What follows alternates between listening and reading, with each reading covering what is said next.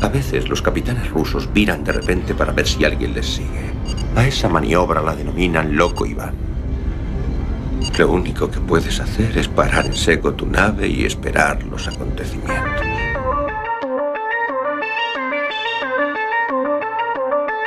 Galasphere 347 of Space Patrol ship.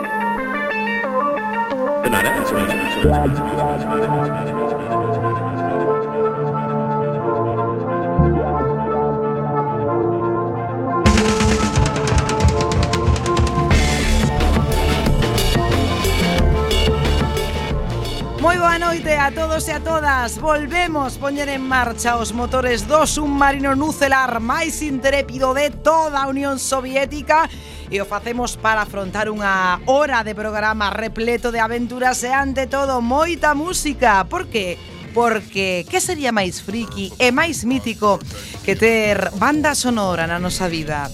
Non sería estupendo coller a bici cun fondo musical de, de Conan? Non sería estupendo invadir Polonia coa cabalgata das Valquirias? Hoxe imos falar das grandes bandas sonoras da nosa vida, pero ademais teremos con nós a o coordinador da Coruña Gráfica, esa programación especial que ten estes días en marcha o Concello da Coruña e sirve para dar accesibilidade e visibilidade ao potencial que ten a nosa cidade dentro da cultura gráfica e da banda diseñada. Falaremos nada máis e nada menos que con Manel Cráneo. Todo isto, por suposto, non sería posible se non tiveramos ao señor Bugalov na sala de máquinas. Aí o temos, sempre disposto a lanzar a nai de todos os Lenin. O camarada Lamelov na sala de torpedos.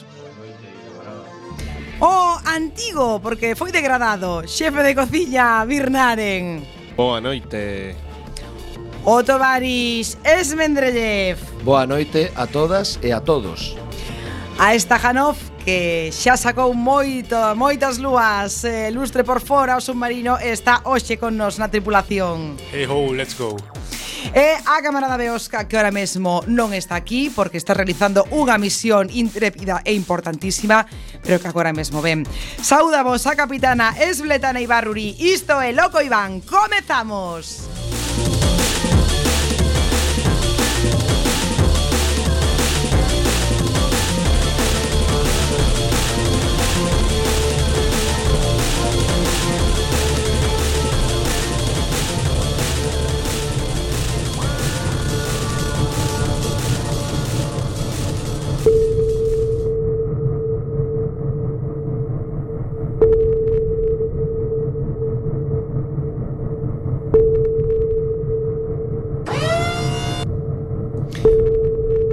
Non imos falar de Inés Arrimadas Non imos falar de Oriol Junqueras Pobre, alá, alá no módulo no que estés Non imos falar de Pucci, non imos falar do fracaso de Rajoy. Por que? Porque todas esas noticias non nos interesan neste submarino. Neste submarino o que queremos darvos a coñecer son esas outras novas importantísimas.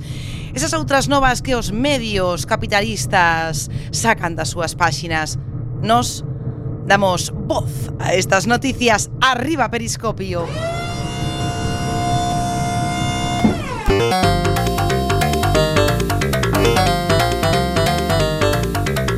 Quack FM Loco Iván. Periscopio.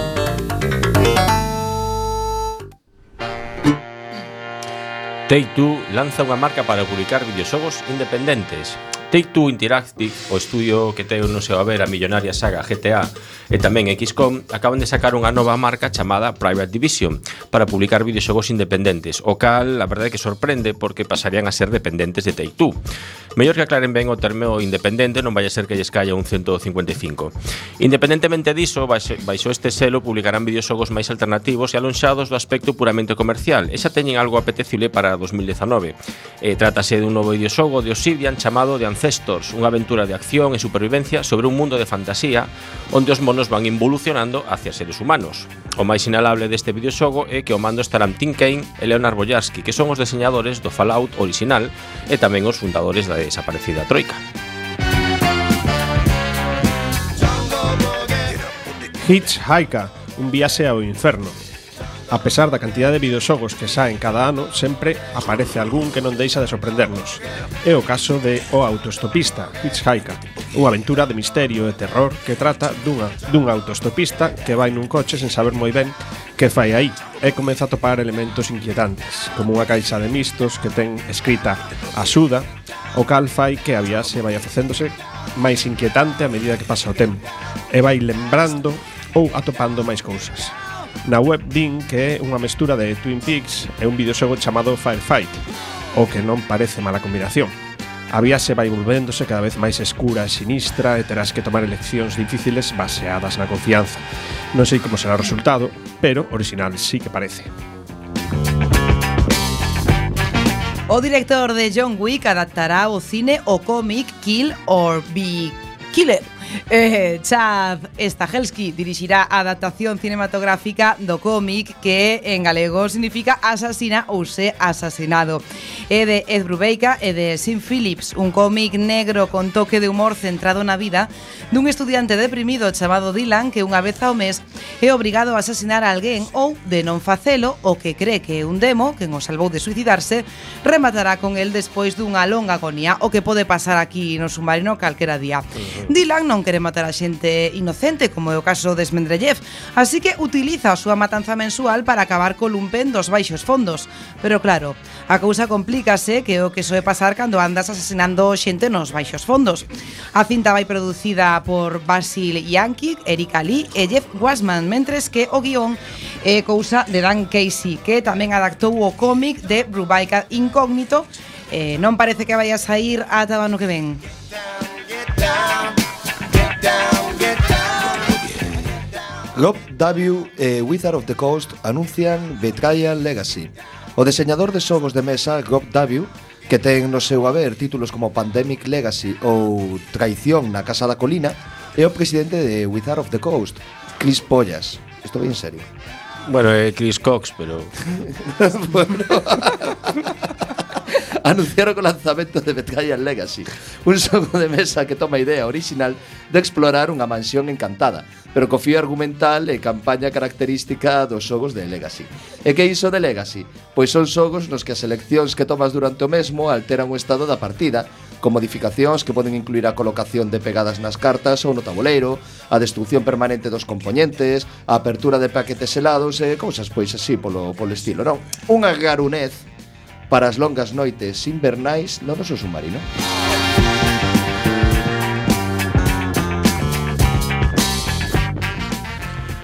Anunciado Realms Beyond, un novo videoxogo de rol estilo Bedia Garda viejuno aí bien.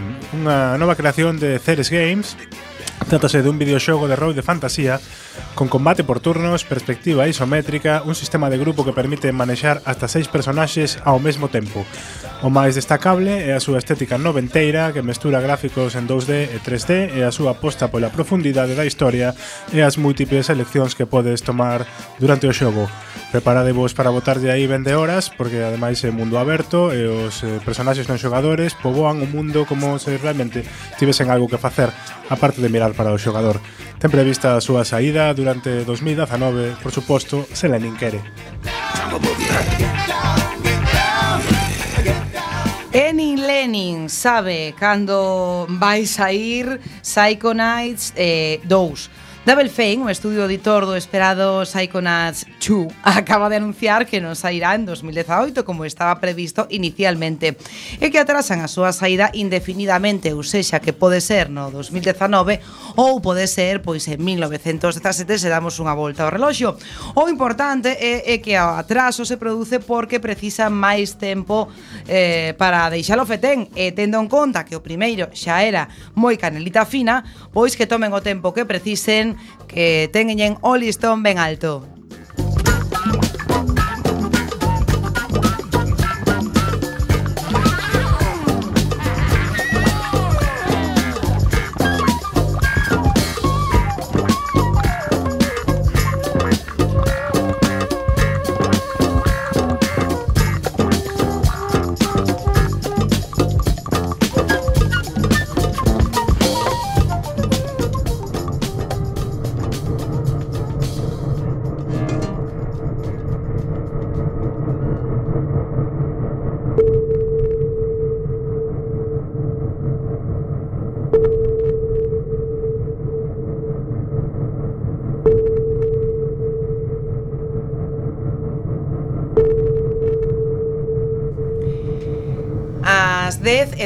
8 da noite se nos estades escoitando hoxe Benres 23 de decembro se nos estáis escoitando nunha realidade paralela pois xa será a hora que teña que ser Eh, nos vamos á biblioteca a ver que temos por aí hoxe que falamos de música de bandas sonoras.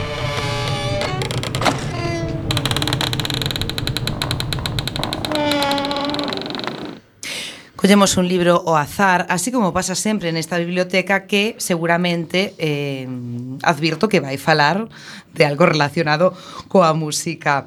Eh, é un fragmento do nome do novento, que é unha novela de Patrick Rothfuss, un profesor de literatura estadounidense que tivo que ver como o seu libro o rexeitaban todas as editoriais ata que atopou a unha que quixe publicalo E foi un grande éxito. Non é así, camarada Lamelov? Contanos un pouco máis desta obra que vamos ler así así o azar que saiu. O azar, así, casualmente, que apareceu. Claro. Bueno, pues casualmente eh, trata da crónica do asasino de reis, que ten tres libros, un que é o nome do vento, que do que imos ler hoxe, o temor dun home sabio, que é o segundo, e os portais de pedra, que este último sen rematar, que creo que vai sair tamén cando a mí me crezca o pelo, máis ou menos. Conta a historia de Quoth, un arcanista, asasino, namorado, músico, estudante aventureiro e de como se converteu nunha personaxe lesendaria. Este fragmento conta pois a parte, digamos, do, do Eolio, que é onde é unha especie de local super mítico onde hai pois os mellores músicos do mundo actúan ali. Eh, bon Jovi.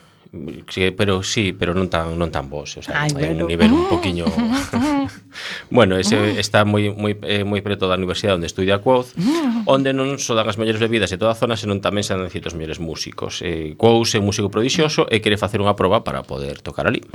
Como bon Jovi.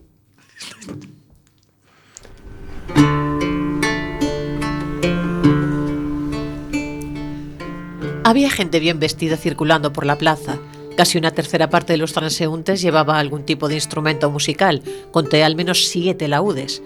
Cuando nos acercamos al eolio, el portero se tocó la parte delantera de su sombrero de ala ancha e hizo una inclinación de cabeza. Medía casi dos metros de estatura, era muy musculoso y tenía la piel muy bronceada. Será una iota, joven maestro. dijo sonriente, y Willem le entregó la moneda. A continuación se volvió hacia mí con la misma sonrisa luminosa. Vio que yo llevaba el estuche del laúd y arqueó una ceja. Me alegro de ver carras nuevas. ¿Conoces las normas? Asentí y le di una iota. El portero señaló el interior del local. ¿Ves la barra?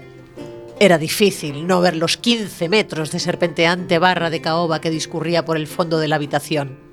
¿Ves el final donde la barra gira hacia el escenario? ¿Ves ese tipo que está sentado ahí en el taburrete? Si decides probar suerte, es con él con quien tienes que hablar. Se llama Estancho.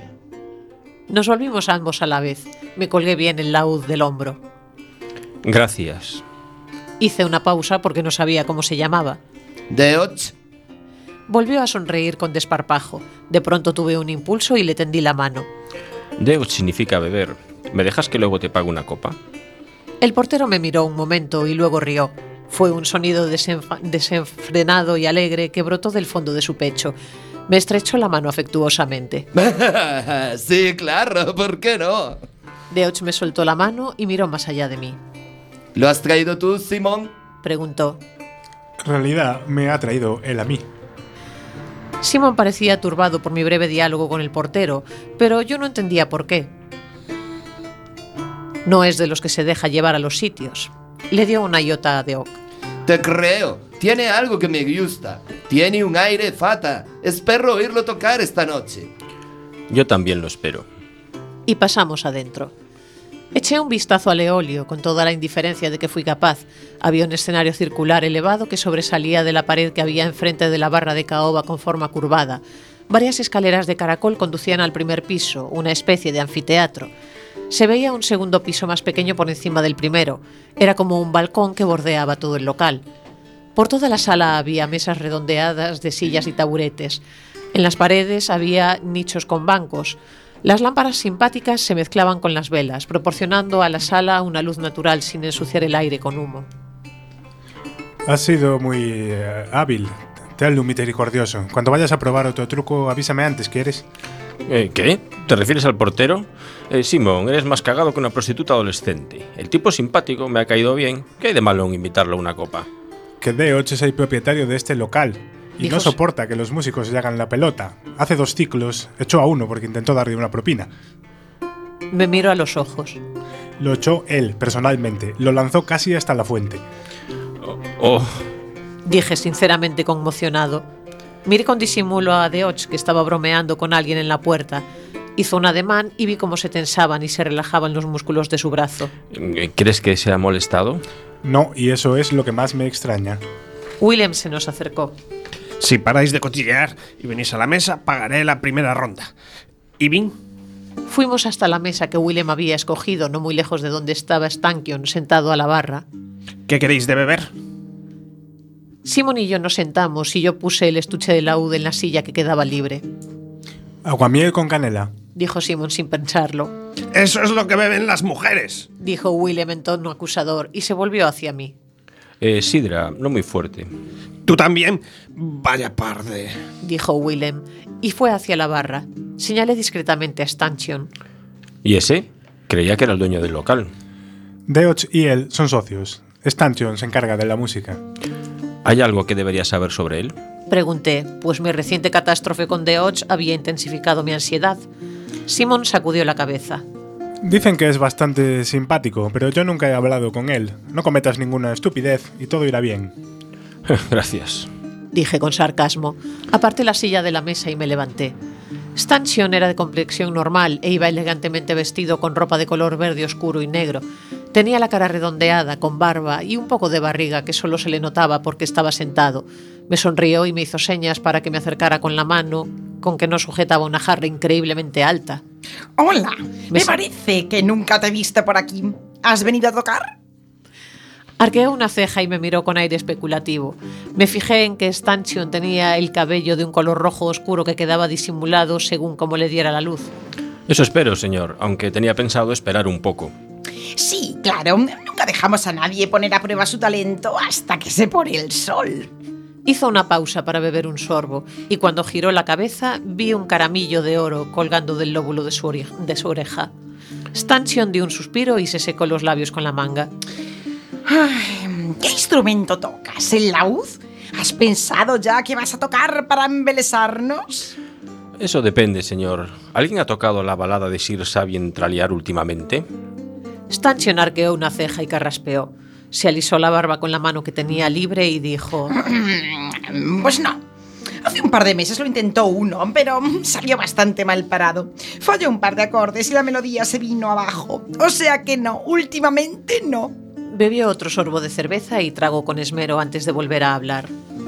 En general, la gente cree que una canción de dificultad más moderada le permite exhibir mejor su talento. Dijo eligiendo las palabras con cuidado. Capté el consejo y no me sentí ofendido.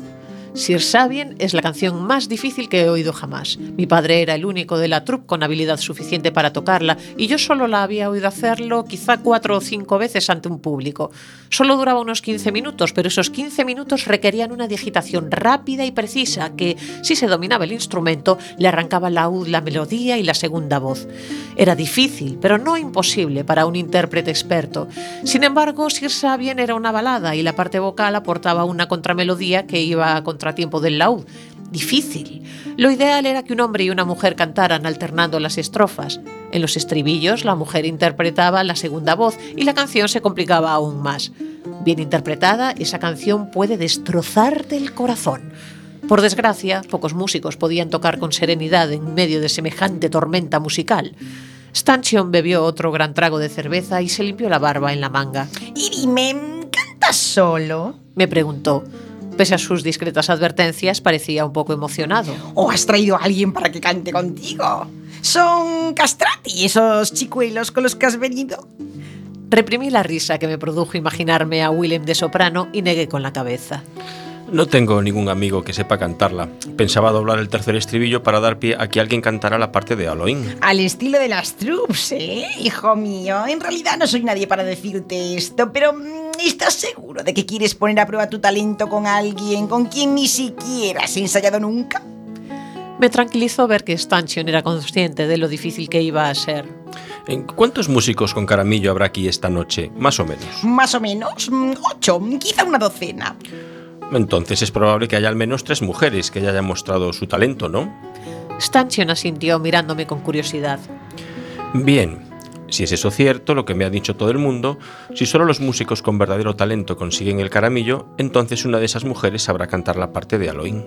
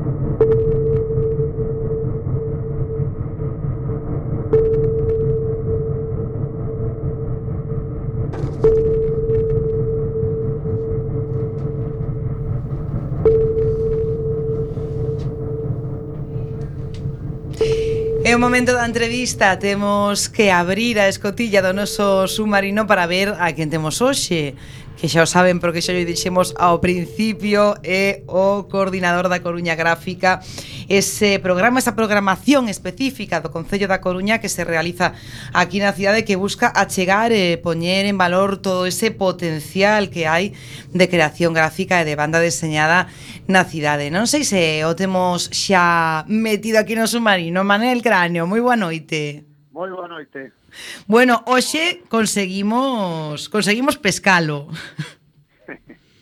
outro día non poido ser, tivemos con nos ao Concelleiro de Cultura, a José Manuel Sande, que xa nos adiantou un pouco do que vai ser, do que está sendo esta programación da Coruña Gráfica, pero hoxe eh, queríamos eh, case despedir o ano con vostede para que nos conte un pouco esta segunda parte, xa houbo eh, pois unha parte da programación que empezou contra a metade do mes e agora eh, a partir do día 28 volve máis Coruña Gráfica na Coruña. E que vamos ter? Sí, pois mira, mira, mañán mesmo, mañán sábado pola mañán hai un obradoiro fantástico con Alberto Vitián, eh, na Biblioteca do Foro Metropolitano, eh, que está dentro do ciclo tamén, no? Levamos, son tres obradoiros dirixidos a nenos, eh, onde se vai estudar un pouquiño o tema do humor gráfico, como se pode conseguir sacar un sorriso, ou a veces incluso sacar vagoas, non? Porque hai viñetas que realmente eh, critican a realidade, a realidade social eh, e bueno, estas jornadas están servindo un poquinho tamén para que nas diferentes actividades que vamos vendo se vayan tocando temas onde sale a flor de pel, eh, que realmente o humor é unha ferramenta social moi necesaria que a veces pode facernos rir, pero que tamén a veces pode facernos chorar un pouco porque a humanidade estamos demasiado tonos, creo eu. Eh? É verdad, porque anda que non nos fixeron chorar o no pasado tamén con, bueno, chorar non chegamos, non chegamos a chorar, pero con, con toda a historia que se montou aquí na Coruña ao redor dun cartel de carnaval co pobre Alberto Quitián mm, sí, sí. foi bastante, vamos, para reflexionar sobre sobre o que custa o, o que vale o humor hoxe en día, non? O que custa. Sí, realmente vale, o humor vale hoxe en día e eh, leva valendo isto toda a vida. A verdade é que o humor é unha cousa que é totalmente social, non é un fenómeno social. Entón, cousas que igual pois na nosa sociedade, pois aquí, eu que sei, cousas que fan gracia en Galicia, igual xa non fan gracia en, en, en, en Vallecas, por exemplo, sabes, nun barrio madrileño, cousas que nos outros países non se digo, o choque moito máis moito máis heavy, non? Entón, o humor é unha cousa eso, totalmente social que se que ten o seu fundamento nos comportamentos, as costumbres sociais, as diferentes culturas, e desde hai moitos anos levamos vendo como hai xente que morre por facer humor. Outro día falábamos nunha das charlas que tivemos na que tal relacionaba eh, humor e feminismo, non? Falábamos un pouco da Coruña caricia de mulleres. Non? Ademais, que... Sí, eh, Coruña con tetas, que foi unha idea ademais o título das propias autoras para chamar un pouco a atención e, e reivindicar un pouco a atención do público. E unha das cousas que analizábamos pois era, eh, por exemplo, falábamos dun caso de da revista, dunha revista que durante a ditadura eh, franquista levou ao seu director, a revista era La Traca, e levou ao seu director a pena de morte. E foi foi, pois, eso, eh, o mataron, eh, pois, porque na revista apareceron varias caricaturas, unha delas eh, aparecía Franco na cama cun, cun moro non do exército de regulares das tropas de Marrocos. Entón, pois estas cousas, pois, obviamente, podían producir a morte, pero a día de hoxe, Sabemos tamén o caso de Charles Hebdo, por exemplo, en Francia. Estamos vendo unha morea de casos aquí, pois, moito máis recentes, xa nos anos 80, finais dos 70, creo que foi o atentado na revista El Papus tamén, non? Uh -huh todo que se xa facer humor eh, eh, realmente en materia de alto risco. Un poquinho tamén as jornadas e a propia exposición que temos montado na sala de Dural Noriga representa a, aos humoristas gráficos, pois como unha especie de a, James Bond, xente, non? Casi. Sí, de James Bond, a xentes que poñen a súa vida en risco para facer a súa misión, que simplemente reflexionar sobre a sociedade, porque non é máis. Reflexionar, a veces sacando un sorriso, outras veces pois con un tipo de humor, pois como que poden facer humoristas como el Roto agora mesmo, o que facía xa moitos anos aquí Castelao, non? Que son viñetas que máis que buscar a, a gargallada, a boca aberta, o que buscan é a reflexión e, eh, abrir un poquinho a mente dos, dos lectores, non? E ademais a Coruña Gráfica que está que lo peta este ano 28 de decembro mmm, que o Día dos Inocentes tamén hai un acto realmente de moitísimo nivel no agora, non? Que nos ven visitar Manuel Fondevila. Sí, a verdade é que temos un, unha actividade de luxo. A actividade anterior, o humor gráfico con tetas, que falamos agora, foi un exitazo. As charlas, pois, estiveron, houve que poner sillas demais, porque eh, estaba cheo de xente. Eh, eh, era unha cousa, un exercicio necesario, polo que decíamos antes, de que faltan mulleres, por exemplo, traballando en prensa. Ti abres calquera xornal, e eh, o, o chiste de turno fai sempre un home, non? Entón, isto era unha cousa das que buscábamos reflexionar sobre isto. En as seguintes xornadas que facemos o Día dos Santos Inocentes, como non, a cousa mellor non se podía no, encaixar. Non, non, que podía quedar máis, máis pegado. Claro, vamos a estudar un poquinho, entón, eh, realmente, ata que punto eh, a inocencia e o humor pois van ligados e vamos a, a falar sobre todo dos límites, os límites do humor, non? Eh, o caso de Manuel Fondevila, que xa será conhecido por moita xente, sempre foi un dos punteiros da revista El Jueves, non? Pero desde que tuvo aquel problema da cuberta onde salían formicando pois o príncipe e Leticia, creo que antes de ser rei, se mal non lembro, Eh, pues bueno, esta, esto supuso o secuestro da revista Que foi secuestrado, jueves, eh, que, oye, que sí, xa, sí, xa sí. parece que, que falar de, de secuestro de, eh, de, de publicacións e de revistas eh, é antigo, pero non está, está aí ao lado. Claro, por eso falábamos antes de o caso da revista La Traca, non? En plena dictadura, pero que agora teóricamente estamos nunha democracia e que non se pode dicir nada. Pero además estamos nun, nun momento moi peligroso, non? Porque eh, cousas que lle fan gracia a uns, a outros non lle fan, entón parece que digas o que digas sempre vai a molestar a alguén.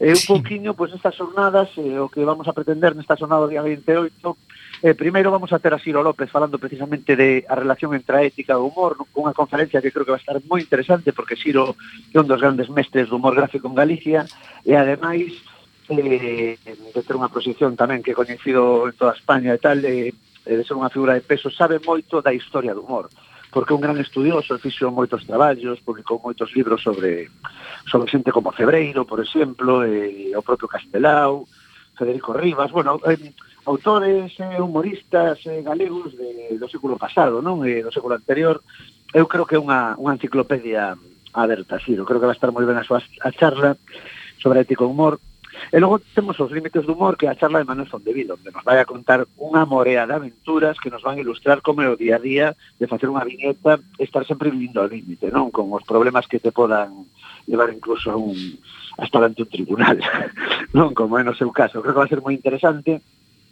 Espero que riamos máis que chorar, porque a, a, a verdade é que estas cousas eh, é mellor rir, non? É mellor rirnos, está a cousa moi mal, pero bueno, vamos a seguir combatindo con ese arma. Que Dentro o, de estar a cousa mal, oye, sempre mellor mm, rir que, que chorar, eh?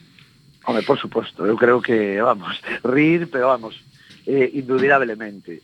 Eh, logo teremos tamén eh, para pechar o acto, xa cara as 8 e media da tarde, este día 28 vamos a ter un, unha mesa redonda onde o propio Manuel Fontevila vai a, a acoplar con Santi Gutiérrez, que ilustra a prensa, fai as viñetas de la opinión, del progreso e de outro, de outras cabeceiras tamén incluso fora de Galicia, non leva moitos anos facendo humor gráfico, eh, con Leandro, Leandro que traballou moitos anos en a voz de Galicia, eh, por circunstancias xa non está en la voz e agora está convertíndose nun fenómeno en internet, non? Nun fenómeno casi, casi de masas, non? Porque está facendo unha labor de humor gráfico a través das redes sociais que está funcionando moi ben E creo que vai a ser un debate moi bo, moderado por Nieves Rodríguez, actriz e presentadora da TVG, que que ademais, bueno, eh, ben Nieves porque Nieves está moi metida en todo este asunto porque é a directora e presentadora de Metrópolis Delirantes, que é un programa especializado en banda deseñada aquí en Galicia, non? Digamos que é a referencia.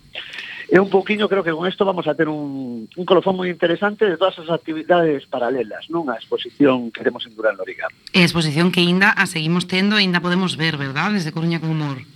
Sí, a exposición seguirá ata o día 31 de xaneiro e aínda, bueno, estamos para programar, aínda non está desaposta, pero habrá un, un encontro, sabe, con unha gráfica. Fora deste ciclo xa de humor gráfico en concreto, vamos a facer un encontro probablemente con todos os autores das diferentes disciplinas que están na guía Coruña Gráfica, porque Coruña Gráfica realmente que o que o proxecto que é unha marca e que está detrás de todo isto para intentar aglutinar a todos os autores e autoras coruñeses É un proxecto de, de promoción do panorama gráfico que temos aquí. Entón, establecemos este especial humor durante estes dos meses, pero probablemente a intención é facer eh, fincapé, focalizarlo sobre outras especialidades como pode ser pues eso, a ilustración en calquera das súas modalidades, a banda deseñada, eh, a ilustración publicitaria, eh, animación, non? Temos grandes de animación agora como Alberto Vázquez, que está xa na carreira, entrando na carreira dos Óscar, o allá nos de, sí, sí. nos de Alberto unha boa nova, e veño a xe un Óscar para de animación para Coruña, non? É un pouquiño eh, pues a cousa vai por aí, intentar potenciar todo este panorama a través logo deste tipo de actividades xa máis monotemáticas, non? Pois Manel, moitísimas gracias por, por atendernos eh, Esperamos volver a, a terte con nos para que nos contes máis como vai eh, evolucionando esa, esa coruña gráfica, pero moitas gracias por facernos reflexionar sobre sobre mm, sobre a aventura hoxe en día que é poder rir, e poder facer rir. Sí, a verdade é que é unha aventura eh, grandísima, vamos, eh, falan de Indiana Jones, pero vamos, ao lado de calquera humorista Indiana Jones é eh, un rajao, eh, vamos. Pois, pues, en fin, Manel Granio, eh, un intrépido. Gracias por invitarme, moitísimas gracias por invitarme. Pois, pues, cando queiras, xa sabes que tes aquí a escotilla do submarino sempre aberta para ti. Unha aperta e eh, parabéns polo programa, vale? Moitas gracias, moi boa noite. Boa noite.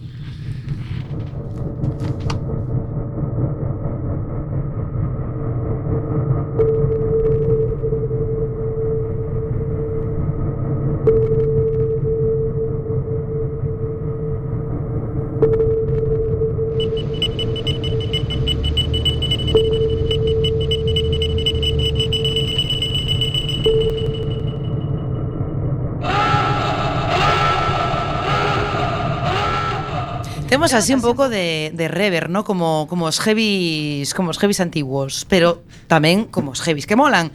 Así que, eh, que podemos facer despois de falar con Manel Cráneo en esta entrevista que nos deu? Xa, recorden que a partir de mañá, sábado 24, empezan outra vez as actividades da Coruña Gráfica e temos no Centro Municipal Ágora o día 28 ese eh, super xornada na que vai estar Manel Fondevila nada máis e nada menos falando, reflexionando sobre os límites do humor que podemos imos facer agora? Pois música, porque hoxe imos falar de bandas sonoras, das bandas sonoras que máis nos gustan. Birnaren, cales son as túas? Pois vou a falar de tres en concreto, e comezamos no ano 1986.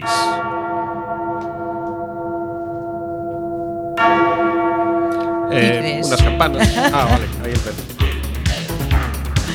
Ay, que esta me gustaba muchísimo, Birnaro, me encanta esta, porque era una serie que a mí... Eh, era un pouco heavy. Non era sí, heavy, pero eh, había moitas cazadoras de coiro a pesar da época medieval que trataba esta, Verdad esta sí, serie, eh? non? Pero efectivamente Crossbow ou Guillermo Tell, como se coñecía aquí, que se votaba, pois pues, se votaban na galega, na, na galega. Na época dourada de comezo con series como Magnum P, Aló Aló, A Víbora Negra, etcétera. Os novos. Os novos, non nos esquezamos dos novos. Eh, bueno, esta banda sonora, a verdade que está bastante ben, a pesar do abuso dos sintetizadores eh, típico da época. E, e nada, recomendar a todo mundo que non vira esta serie que, que se animen porque é bastante entretida. E pasamos a seguinte. Mira, saca acaba, susto. Ai, que ben nos cuadrou, eh? Sí, eh...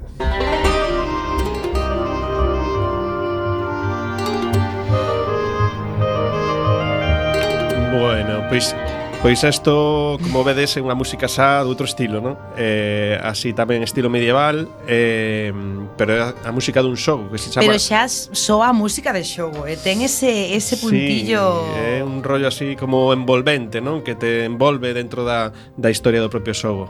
Trátase do Might and Magic 4, eh, a música de Paul, Paul Romero, Rob King e eh, Steve Baca. Eh, anterior, por certo, que non dixera, é de Stanilas Sirecic, eh, un ruso. Eh, bueno, eh, esta é unha música Soviético Efectivamente, soviético Porque os rusos non existen agora claro, mesmo Ainda non Eh, bueno, eh, a música de Smite and Magic 4 eh, anda eh, la melo fora de xogo, me parece. Eh, o Smite and Magic 4 retomamos eh, música así folk eh, bastante bastante chula e eh, ademais o xogo pois é un xogo de estrategia por turnos que tamén a recomendar. Eh, pasamos ao seguinte. Xa é de día. No. Mm, no. Sigue durmiendo, por favor.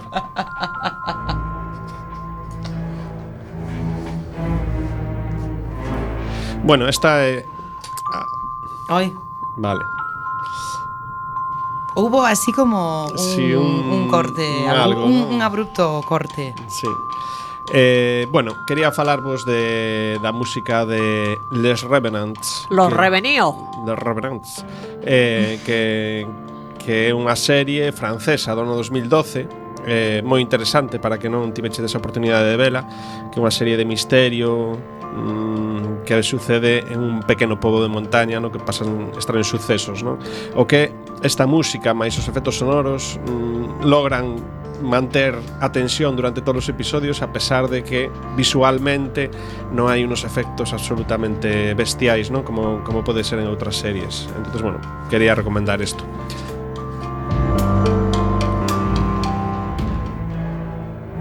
Ah, está a coñecemos todas, non? Sí, esta xa é a última, eh, sería de Drácula de Bram Stoker. Eh, non necesita presentación. Bueno, de Bram Stoker e de Francis Ford Coppola tamén. É de Francis Ford Coppola, É de os actores e actrices que están ali tamén, É de o outillero tamén que estaba aí, pois limpando as botas. E... Bueno, e sabedes, e que igual non sabedes, que a que non sabedes, quen fixo eh, como se chama o casting para ser eh, Drácula na película de Bram Stoker? Porque acabou sendo o señor este que ahora non me acordo como se chama o, o actor eh, Gary Oldman. Gary Oldman, pero quen fixo o casting? Antonio Banderas.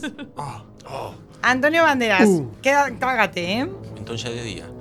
No, non é de día todavía Pero bueno, temos que seguir despois de isto Beosca, mm, as túas músicas favoritas Ben, pois, eh, imos falar das mulleres no mundo das bandas sonoras. Empezo cunha pequena introducción. Contovos que Mozart tiña unha irmá chamada Nannerl que diz que poseía tanto talento como ao seu irmán, pero que o problemiña é ese de ter nacido muller, pois nin chegou a ningures, nin se conservou ningunha das súas partituras. Xa na Biblia, Adán botalle a bronca a Eva por tocar música alegando que se a alguén lle corresponde crear son, é a él. E o Eclesiastés 12.4 advirte é necesario someter a todas as fillas da música que se, se esta era o Eclesiastés 12.4 que sería a versión máis avanzada imaginade o que diría claro. o 1.0 non quero nin pensar Bonnie Tyler, non? Entón, Con este panorama non nos extraña a falta de mulleres na historia da música, nin que non fose ata 1997 que unha muller gañara un Oscar por compoñer unha banda sonora.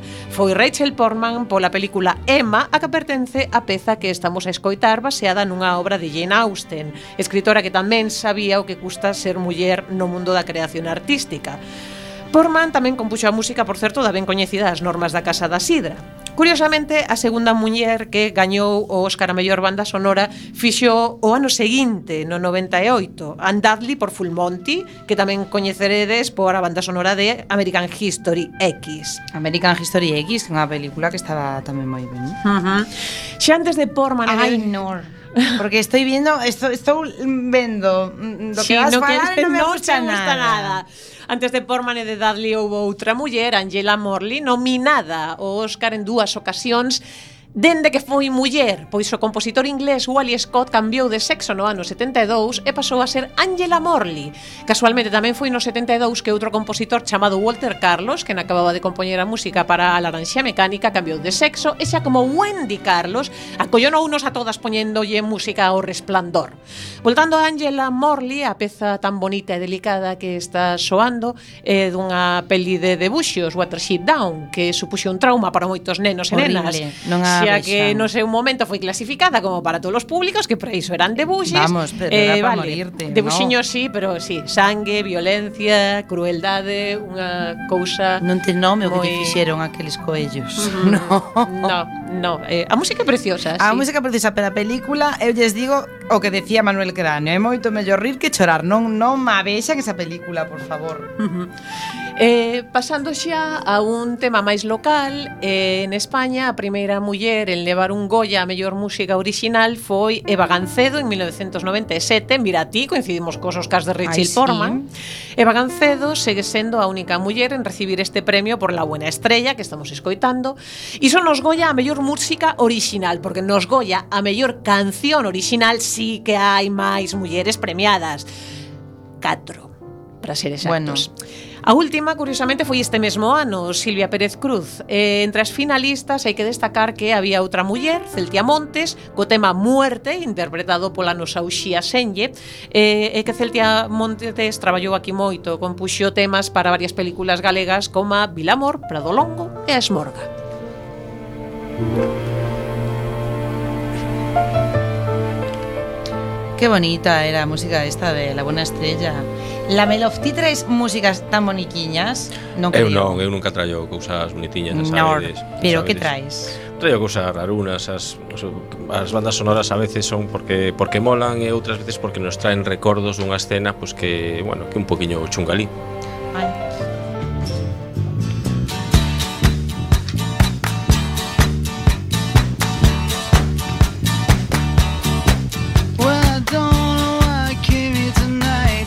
pois supoño que esta escena se vos digo que pertence a Reservoir Dogs Canto o señor Loiro facía o que facía coa orella e a cara do policía Mentras bailaba acompañado por esta musiquiña Pois, se lembra, bueno, sabredes por que queremos esta, esta canción Porque arrembramos con ese con tanto interés, non? Claro. Isto que está soando agora, así de fondo así o, o lonxe Ahora, ahora É un, isto aí que soa potente aí Ai, que, co, que ben, que cosa, eh? Claro, é, é como cando entras ah. ti no sí, submarino, exactamente é igual. É así, así, porque eh, de feito xa o dixe moitas veces que eu teño un poder especial porque os meus gases en realidad que non que non ulen, eh, pero soan así. Porque é unha, unha cousa así un pouco como para para, para intimidar. Poderosa. Bueno, que non ule. Sí. En, en, bueno, unha banda sonora eh, bastante potente que é de Oukas. que é unha composición pois de Lenny Moore, pero interpretada pola poderosísima Orquesta Filarmónica de Moscú, e por eso bueno. nos mola tanto. A verdade é que a banda sonora de todo o videoxogo está está tremenda. E banda sonora tamén boísima esta que, que está de fondo, que é da película de Crow, da no 94, que tiña, bueno, moitísimos grupos eh, moi de moda por aquel entón e moi vos, como pues, Rage Against the Machine, Violent Femmes, Nine Inch Nails, e esta versión pues, de Joy Division, que, que seguramente coñecedes, non?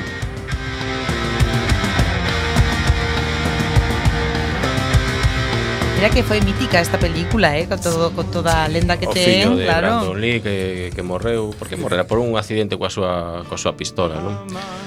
Ben, Como esto, la mano xa, del rei.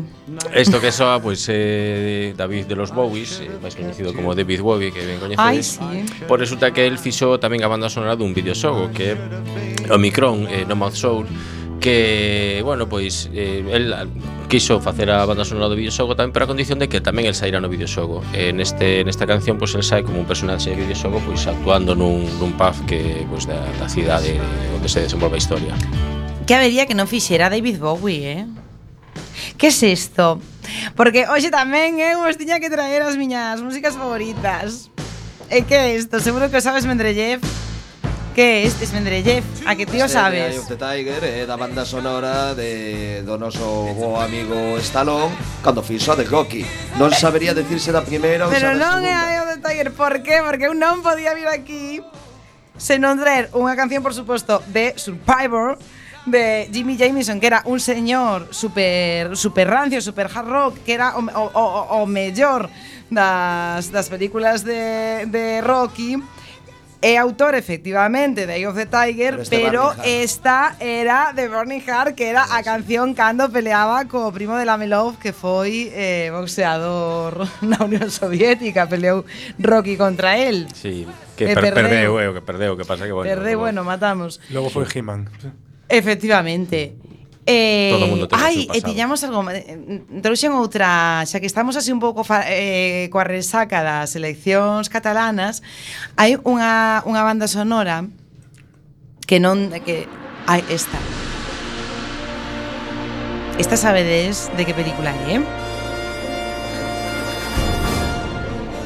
Bueno, pois é eh, de Os Intocables de, de Elliot Ness e de Morricone eh, do ano 87 que a película esta, bueno, salía e de, eh, a película de Brian De Palma que salía Kevin Costner cando Kevin Costner molaba eh, Andy García cando Andy García molaba Robert De Niro que segue molando e Sin Connery que a veces mola e a veces non Bueno, pois esta foi un super éxito en taquilla, pero por que trouxen esta canción? Porque eu cada vez que a escoito me, me soa a desafío independentista, porque me, me recorda moito a canción que pon eh, o señor este da sexta. No, ves, así pastor. Claro que sí, capitana. Cara, ah, bueno, menos mal. E que é moi bonito, pero e teño outra última, eh?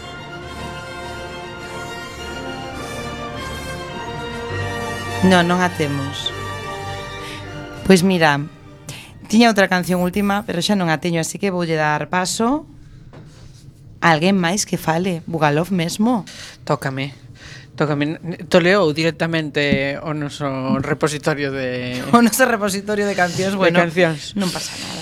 Eh, vou comezar, como aquí nos gustan moito os ordenadores, e eh, non hai ordenadores en xente que... Bueno, os videoxogos, como non hai videoxogos en xente que se manexe con, con ordenadores e tal, pois isto é unha banda sonora, pero non de peli, senón dunha serie, que, ah. que seguro que vos soa.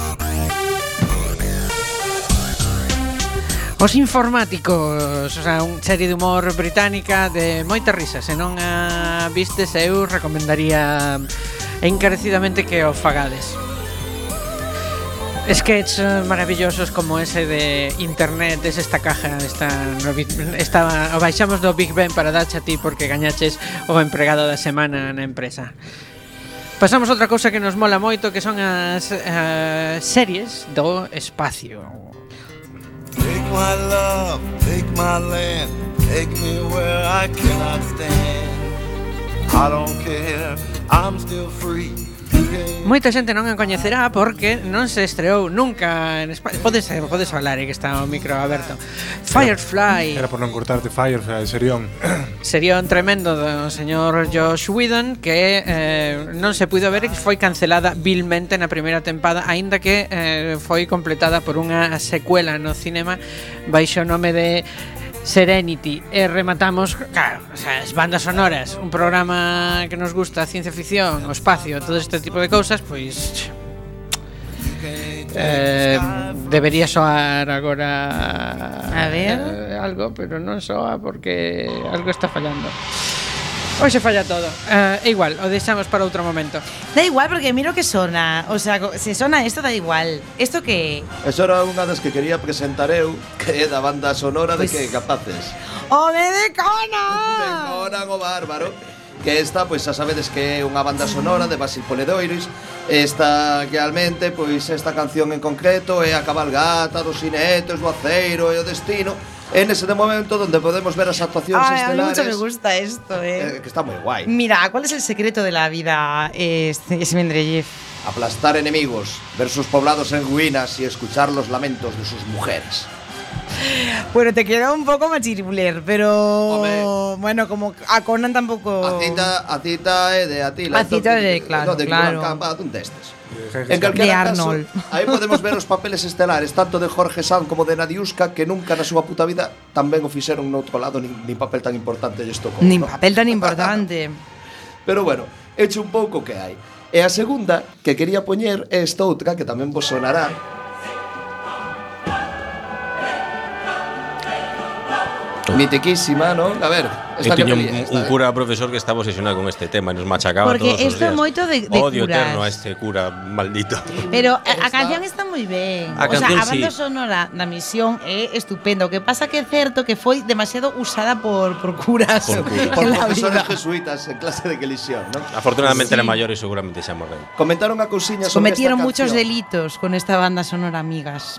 Pois contrastar este tipo de música, non, coa que se fixo no última ópera prima, ópera prima non, na, na última gran obra de Scorsese, seno, que tamén é de Cregos, eh, no silencio Ai. e que non ten absolutamente nada que ver porque aí basicamente pois a música feita por King Allen e Catherine Clus pois utiliza moitísimo pois sonidos da natureza e en lugar de ter un tipo de saltación así da música clásica como esta é unha cousa máis desasosegante, non?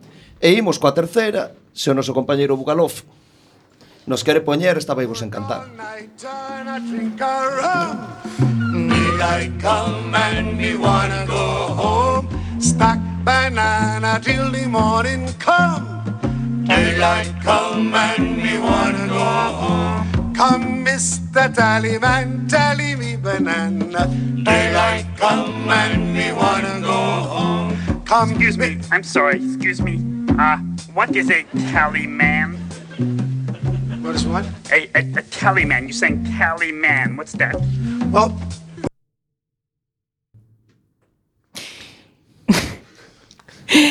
Eh, perdonen, estamos un instante que se nos fue la cabeza eh, e acabou a música. Mm, Esta música. Que estamos Esta bailando música todos aquí. Sala todos bailando. Esta música. Banana Ay, Boat. que volva, que volva. a bailar outra vez. Mira, esto salía na banda sonora dixo- de, al- de al- que película de Tim de Burton. Beetlejuice, máis esta versión que está desoindo é sacada dos Muppets. Claro, porque de- Escoitache des antes que había un dos bonecos que dicía What is a talimán? A Henry Belafonte, ¿no?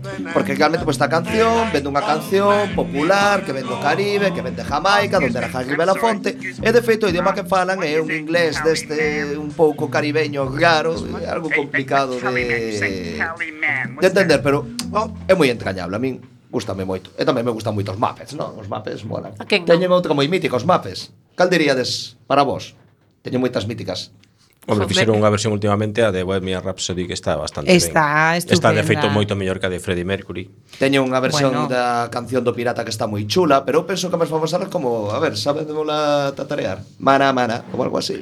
Ah, sí. bueno, non vamos a tararear nada en pero, directo porque eh polo vendo o programa e do submarino mellor non tararear. E dos ointes, é unha última que quería tamén comentar para demostrar como realmente un acerto nunha banda sonora pode convertir unha peli moi mediocre en algo moi bo. Uno, Estamos. dos, tres, cuatro.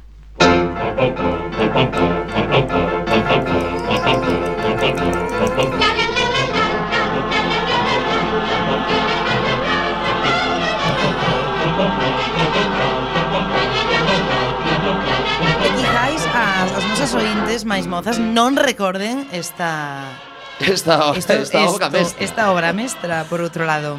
A ver, aquí con todo cariño, eu de capaz gustaba moito as, as películas de Bud Spencer e Terence Hill. Esta é... Eh, Porque tú eras rancio ya de pequeño. Eu sempre fui rancio. tú eras... Eh, a miña natureza de IMM intelectual claro, moderno. Claro, eras así, niño antiguo. Eu tamén era rancia.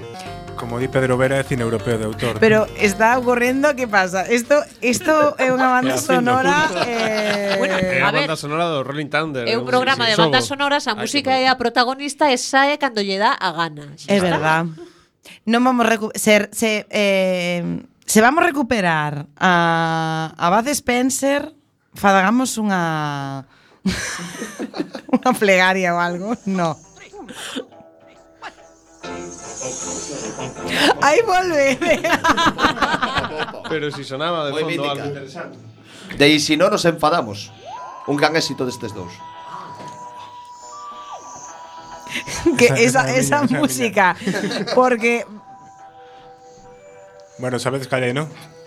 Home, O Doutor Who. O Doutor Who. que agora vai ser a doutora Who. A ver se a É Doutora certo. Who, a partir do lunes, no especial de Navidad.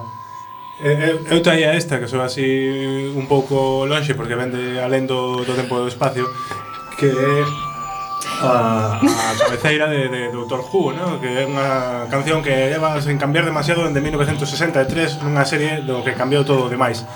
Eh, mola porque eh, música electrónica antes de que se inventara o sintetizador Así que foi grabado nun estudio da BBC eh, a Lugo, me tengo que callar. Estará pensando a xente, por que se escoita así con ese sonido de ranciedad eh, eh, eh, Porque eh, o Doutor eh, Juegas. Eh, escasa claro. profesionalización. Sempre quero falar de Doutor Juegas neste programa pasa algo raro, nunca. Efectivamente, temos unha maldición co Doutor Juegas. O doutor é unha persoa discreta. Non quere que o descobras.